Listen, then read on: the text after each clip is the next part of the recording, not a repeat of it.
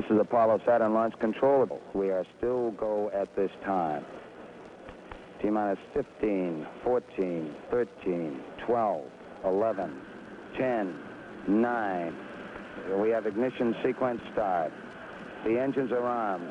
4, 3, 2, 1, 0. Bandaríska Apollo 8 hófst á loft frá Kennedy hafða klukkan 12.51 nákvæmlega eins og ráðgert hafði verið. Þúsundir manna hafðu sapnast saman í grend við geimferðamiðstöðuna í fegursta veðri. Tæplega 12 mínútum eftir að Apollo 8 var skotið á loft var tilkynnt að tungfarið væri komið á braut um hverfis jörðu og ferða tvær umferðir kringum jörðu og verður sá tími eða um þrjár klukkustundir notaður til þess að þóil prófa þau tæki og hinn flokna búnað geimfarsins en ráðgert er að nú á eftir klukkan 15.56 að íslenskum tíma verði aflvélar þriðja þrepsins ræstar og hraðin aukinn úr 28.000 km í 38.900 km á klukkustund sem þarf til þess að komast út úr aðdráttasviði jarðar og stefnan tekin á tunglið en þangað tekur ferðin um 66 klukkustundir og er ráðgert að tunglfarið verði komið á braud um hverfist tunglið að morgni aðfangadags. Þetta er mesta geimferð sem enn hefur verið farin en jafnframt svo áhættu samasta. Geimfararnir geta snúið til jarðar hvenar sem þeir vilja er þeir eru á braud um hverfis jörðu. En ef appvélar bregðast á braud um hverfis tunglið geta þeir ekki með nokkru móti komist aftur til jarðar og engin leið að koma þeim til hjálpar. Þá myndi geimfarið halda áfram og braud sinni um hverfis tunglið og geimfararnir látaða lokum lífið þegar súrefni þriti. Geimferðarsérfræðingar segja þó að hætta á slíku sé ekki mikil og að næsta skrefið verði að lenda mönnuðu geimfari á tunglinu en ef allt fyrir að óskum verður það gert á ári komanda. Þannig hljómaði fyrsta frétt í ríkisútverfinu lögudaginn 21. desember árið 1968. Tveimur mánum fyrr hafði áhöfn Apollo 7 lókið fyrstu mönnuðu geimferð Apollo-verkefninsins eftir umlega eins og hálsás hlje í kjölfar eldsfóðans í Apollo 1. Nú voru þrýr menn á leið í lengsta og hættulegasta ferðalag sem mannkinnið hafði nokkuð tíman lagt upp í. Ferðalagið frá jörðinni til tunglsins.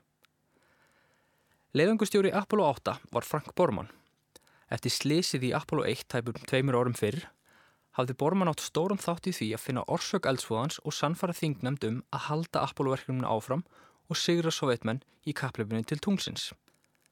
Frank Bormann heitlaði snemma að flugi og gerist orustu flugmaður hjá flughernum. Hann lauk síðan framhaldsnámi í flugverkfræði frá Kaldek háskóla og gerði stuttu síðar tilrunaflugmaður. Árið 1962 valdi NASA Bormann í annan geimfarahópsinn en í þeim hópi var líka Jim Lovell sem nú átti að vera flugmaði stjórnfars Apollo 8 en þetta var hans þriðja geimferð. Þetta var ekki fyrsta sinn sem þeir Bormann og Lovell fóru saman út í geimin. Þreymur árum áður, í desember 1965, dvöldu þeir 14 daga á brautum jörðina í geimin í sjö og svettu dvalarmett. Þessi langa ferð tók verulega á þá félaga. Að verja tveimur vikum saman í litla þrönga gemin í geimferðinu var svipað á að borða, sofa, vinna og fara á klósitið í framsætum sportbíls í 14 dagar sleitu löst, eins og geimfærin Tom Stafford lísti því. Bormann og Lovell borðuðu vakshúðaðan mat en vaksið átt að koma í veg fyrir að hann skemmtist. Þeir þóldu ekki bræðið og þá óþægilegu tilfinningu sem fyldi vaksin í muninum. Til að bæta grá ofan og svart varð húðin þeirra þurr og tók að flagna í þurraloftin í geimfarinu. Hárið var fytugt og fullt af döðum húðflugum. Þeir týndu líka öðrum tannburstarum, hvernig sem það nú hægt í þessu litla geimfari og neytust því til að deila sama tannbursta. Þriði geimfarin í Apollo 8 var nýliðin Bill Anders. Anders fættist í Hong Kong þar sem fadir hans gengdi herskildu. Hann lög námi í ramagsverkfræði frá Háskóla sjóhersins árið 1955 og gerðist síðan flugmaður hjá flughernum árið síðar. Þann 5. júli árið 1958, sama dag og kona hans Valeri snýri heim á spítala með annar barð þeirra hjóna, var þann að yfirgefa fjölskyldu sína til að gegna herskildu á Íslandi. Hann hefði geta fengið herskildunni frestað vegna þess að kona hans var þunguð, en þá hefði hann verið senduð til Grænlands í stað Íslands. Anders taldi að Ísland var í mun heppilegri staður og voru flestallir í kringum hann sama sinnis. Á Íslandi syndi Anders eftirlitsflugi og flög reglulega orustu þóttum á móti sovjaskum sprengiflugulum. Í stað þess að vinga til sovjasku flugmannuna sendi hann þeim puttan en þeir sovjísku veifuðu bara tilbaka. Ferðirnar gáttur einst hættulegar en Anders sjálfum þótti alltaf hættulegar að fljúa við íslenskar aðstæður. Eitt sinn þegar hann lendi í Keflavík snar snýrist flugul hans í hálkunni á flugbreytinni. Eftir árstvöl á Íslandi snýri Anders heim til bandarækjana. Hann sótist eftir að vera tilrunaflugmaður en uppgötaði þá að hann uppfylti ekki mentunakröfur. Hann ákvað þá að sækja um nám í kjarnórskuverkfræði og flugverkfræði og lauk framhaldsnámi í því. Árið 1963 var Anders í hópi 14 nýra geimfara í þriðja geimfara hópi NASA. Dík Sleiton, yfirmöða geimfarana, leita á Anders sem einna vísindamönnunum sem var gott upp á mögulegan á tunglferðum að gera en slæmt upp á að komast sem fyrst í geimferð. Anders hafði mikinn áhuga á jarðfræði og var eini geimfarin sem heimsótti Ísland í bæði skiptin þegar geimfarinni komu hinga til æfinga árið 1965 og 1967. Hjá NASA vann Anders við umhverju stýrikerfi Apollo geimfarsins. Það er að segja búnaðinn sem hjælt þrýstingi, hitastígi, koldioksíði, vatni og rakastígi í geimfarinu réttu. Árið 1966 var Anders skipaður í Apollo áhöfn á samt leðangustjórunum Frank Borman og Michael Collins sem átti að vera flugmaður stjórnfarsins. Leðangurinn átti að vera þriðja mannaða geimferð Apollo og fyrsta mannaða geimskot Saturnus 5 risaflugurinnar. Prófa átti sjálf á tunglferuna á brautumjörðina og átti Anders að sjá um það. Reyndar var upprunanlega áhöfnin samansett af þeim Frank Borman, Bill Anders og Charles Bassett en þegar Bassett lést í flugslýsi á samt öðrum gemfara, Elliot C., skömmu fyrir geminni nýju leðangur þeirra, kom Michael Collins í stað Bassetts. Anders var svo gemfari sem best var undir það búin að fljúa tunglferðinni. Hann hafði varið mörg þúsund klukustundum í þjálfunni tunglferðiherminum og var, á samt Neil Armstrong, fyrstur til að fljúa Lunar Landing Research Vehicle, tæki sem líkti eftir tunglferðulendingu. Anders segir enn stoltu frá því að Níl hafi brotlænt þessari skrítnu vél, en hann ekki. Anders gerði svo vonur um að fá að lenda á tunglinu, en það stemdi þjálfun hans lengt og ljóst að slíkum leðangri. Hann var auk þess vel aðsir um jarðfræði sem gerði hann að fyrstaflokks kandidat. En eldsfóðin í Apollo 1 setti þó allt úr skorðum. Smíði tunglferðinar var líka langt á eftir áallun og ljóst að hún erði ekki tilbúin í tæka tíð fyrir leðangur Apollo 8. Ef tækist að skjóta Apollo 7, fyrstu mönuðu geimferð Apollo á loft síðila árs 1968 var í enn tæplega hálft ár þar til tunglferðin er í reyðbúin fyrir leiðangur Apollo 8. Um mitt ár 1968 urðu breytingar á áhöfna Apollo 8. Michael Collins var að fara í uppskurð og var þess vegna frá æfingum í nokkra mánuði. Það gekk ekki upp, svo í júlimánuði var tilkynnt að Jim Lovell tæki sæti Collins í Apollo 8. Collins var vonsvikinn en þurfti ekki býða lengi eftir öðrum leiðangri. Nokkru mánuðum síðar var hann flugmaður stjórnfars í leiðangri Apollo 11. Um svipa leiti borust fréttir um að sovjetmenn varu nálátt því að geta sendt menn á brautum tunglið fyrir en síðar. Hugsanlega fyrir áslokk 1968. Þá kviknaði brjálaðisleg hugmynd hjá yfirmönnum NASA.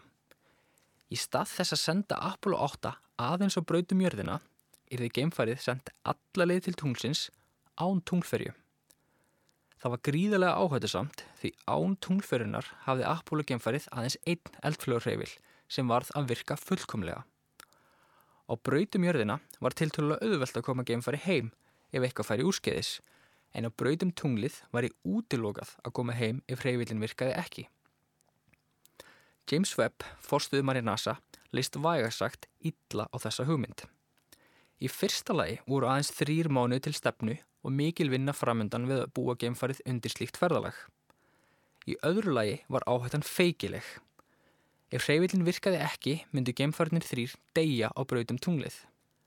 Webb veitti þó samþekki sitt á lokum. Að koma mönnum á brautum tunglið á undan sovjetmönnum var úr bandaríkinn svo gott sem búin að vinna kaplöpi til tungsins. Þegar hugmyndin var borin undir Frank Bormann hikaði hann ekki við að samþekja leiðangurinn án þess að ráðfæra sig við Anders og Lovell. Anders var ekki aðeins undrandi á að menn hefðu hugreiki til að taka þessa ákvörðun, heldur var þann líka fyrir sárum vonbriðum að fá ekki að fljúa tunglfyrinni. Þetta þýtti líka að meiri líkur en minni væru á að hann myndi aldrei ganga á tunglinu. Anders jafnaði sig þó fljótt af vonbriðunum, en það erði leiðangur Apollo 8 sögulegur ef allt færi vel. Síðustu vikunar fyrir gameskot voru gamefarnir settir í einangrun til að þeir smituðust ekki af skæðri flensu sem gekk á sama tíma. Menn voru einni brendir af því þegar áhöfn Apollo 7 fekk hvef á brautum jörðina. Tólf dögum fyrir gameskot rauf Lyndon Johnson fórseti einangrununa þegar hann bauð geimförunum og fjölskyldum þeirra auk áhafnar Apollo 7 í mati kvítahúsinu sem betur fyrr hvefaðist engin. Í aðdraðanda geimferðarinnar var flestum efstur í huga sá möguleiki að geimfariðnir myndu aldrei snúa aftur heim til jarðar. Þeir heldu jól með fjölskyldum sínum áður en geimferðin hófst og hljóðurituðu skilabóð til eiginkvenna sinna ef svo færi að þeir snýru aldrei heim. Anders sjálfur leit svo á að líkurnar á að svo færi var í einnum mótið þremur.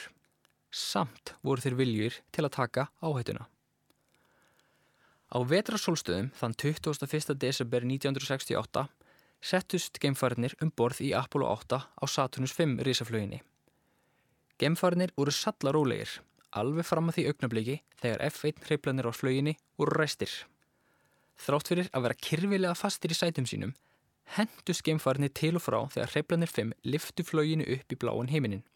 Í Vasa Anders var íslenskur 25-meiringur sem hann tók með sér til tunglsins.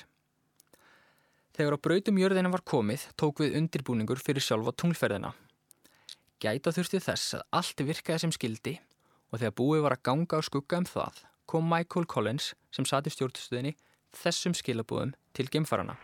Apollo 8 Houston. Go ahead Houston.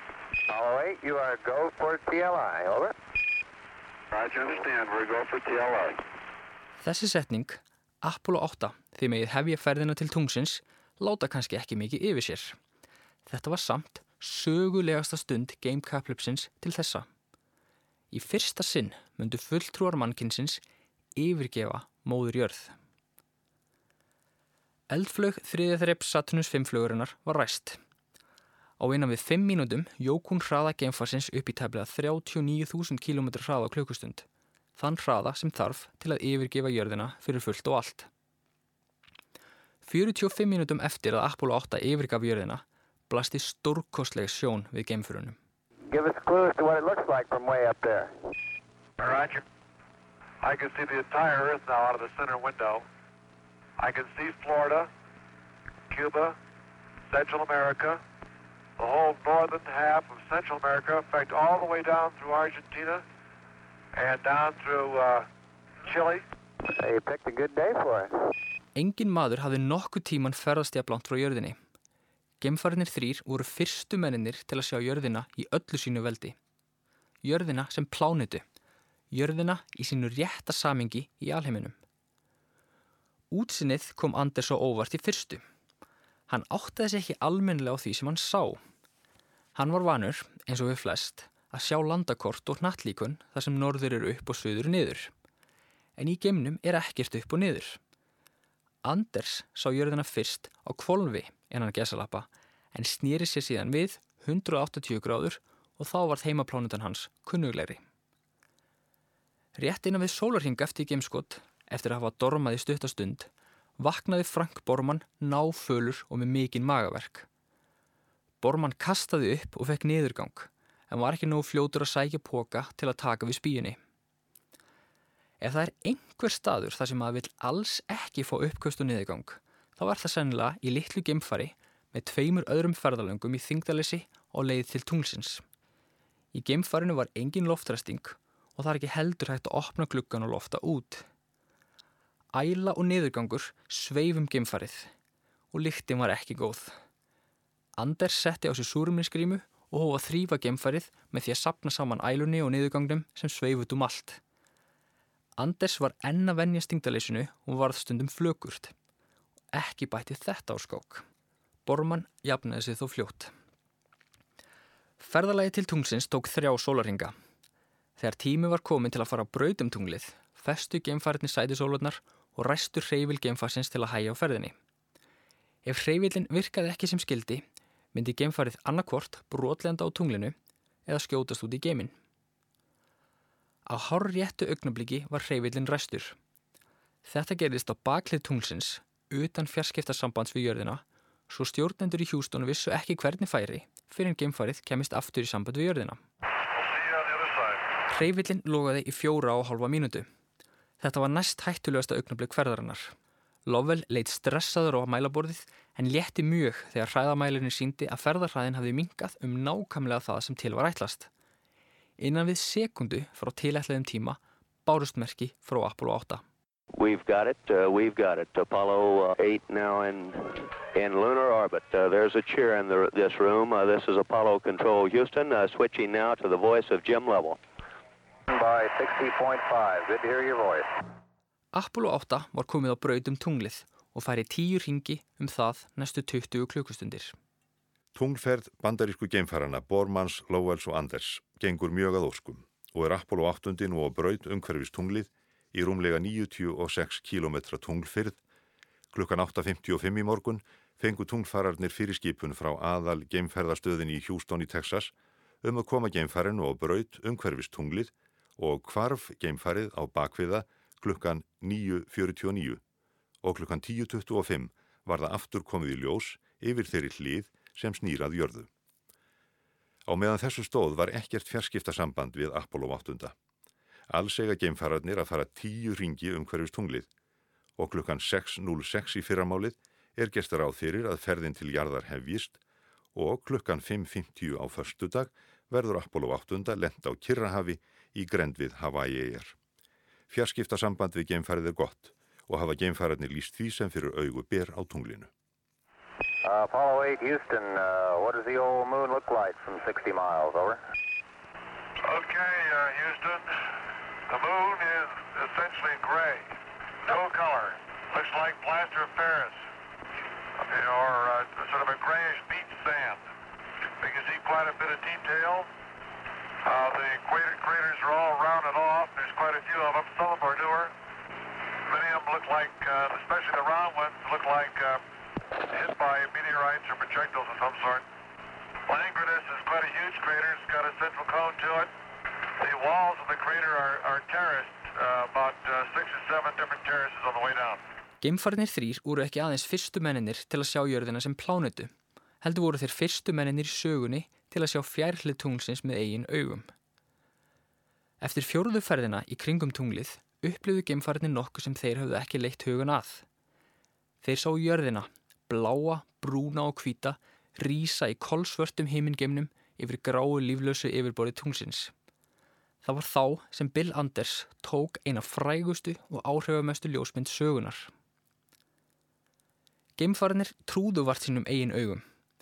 Úr næstum 400.000 km fjarlæð að sjá var jörðin svo lítill að Anders gatt hulið hana með þumalfingrinum. Samt var þessi nöttur óskaplega dýrmætur. Þarna voru allir sem hann þekkti og elskaði. Smám saman rann það upp fyrir honum. Við komum alla þessa leið til að kanna tunglið en það mikilvægasta sem við uppgötuðum var jörðin. Í nýjundu ferðinni í kringum tunglið hófst bein sjónvarpsútsending úr geimfarinu og meðan það sveif yfir tunglinu. Út um gluggan sáu stjúpur svartir gígar á eðilögu yfirborði tungsins. Eftir að hafa líst því sem fyrir augun bar, saði Anders að áhöfnin hefði skilaboð til allara jarðabúa. Uh, uh, for all the people back on Earth, the crew of Apollo 8 has a message that we would like to send to you. In the beginning, God created the heaven and the earth, and the earth was without form and void, and darkness was upon the face of the deep. And the Spirit of God moved upon the face of the waters. And God said, Let there be light. And there was light. And God saw the light, that it was good, and divided the light from the darkness.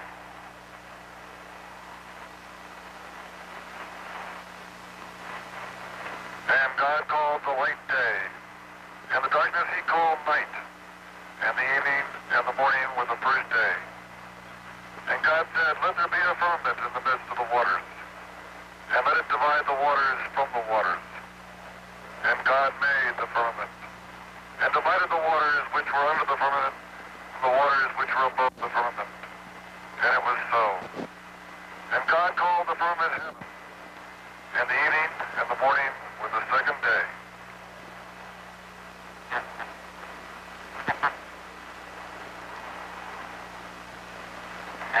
said, let the waters under the heaven be gathered together into one place, let the dry land appear, and it was so.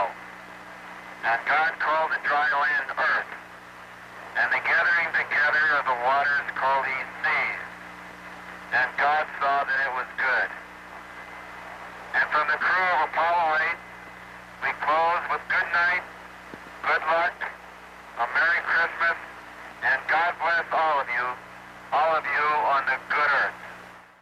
Tveimur og hálfri klukkustund eftir sjónvarpsútsendinguna var mikilvægasta stund tunglferðarinnar runnin upp. Heimferðin. Ræsa þurfti eldflögurheifilinn á hárréttu augnabliki sem, líkt og í fyrra tilvíkinu, erði á baklið tunglsins, fjarr í fjarskiptasambandi við jörðina. Geimfarnir komu sér fyrir í sætum sínum og restu heifilinn. Á réttu andartæki kom skeimfarið aftur í sambandu jörðina og heyrðist þá í Lovell. Apollo 8, Houston. Apollo 8, Houston. Apollo 8, Houston. Apollo 8, over. Hello, Apollo 8. Loud and clear. Roger. Please be informed there is a Santa Claus. Apollo 8 var á leið heim eftir sögulegan leiðangur. Stuttu síðar fundu Bormann, Lovell og Anders sendingu frá jólasunninum í geimfarinu. It appears that we did a grave injustice to the food people. Santa Claus brought us some a TV dinner each, which is delicious.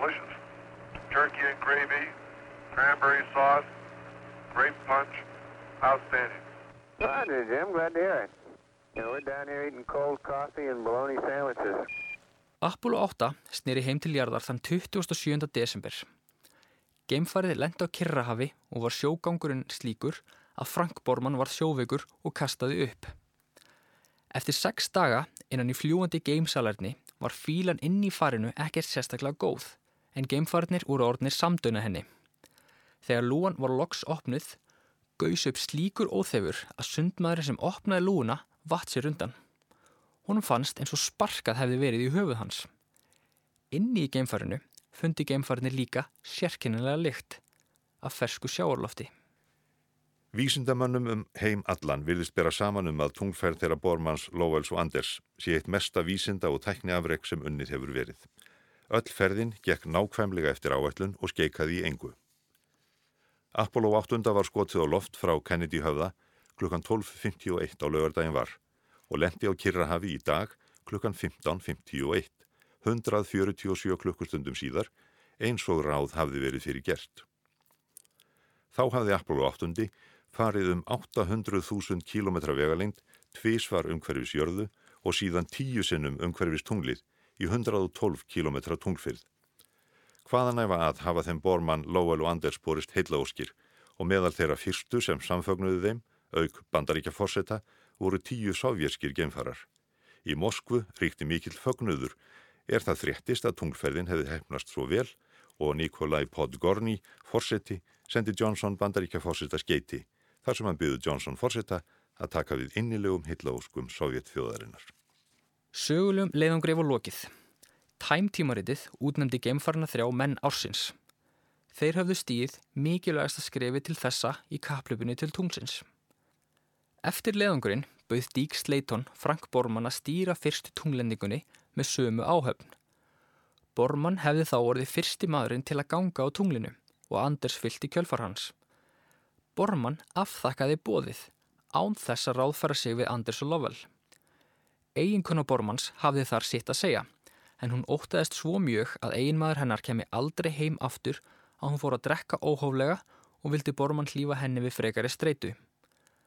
Anders komst ekki að þessu fyrir hann las þetta í æfisugu Dík Sleitons og varð vitanlega nokkuð svektur. En áður en hægt var að lenda á tunglinu þurfti að prófa tunglferina á brautum jörðina á tunglið. Framundan voru leiðangrar Apollo 9 og Apollo 10, síðustu lokaæfingarnar áður en hægt var að stíga eitt lítið.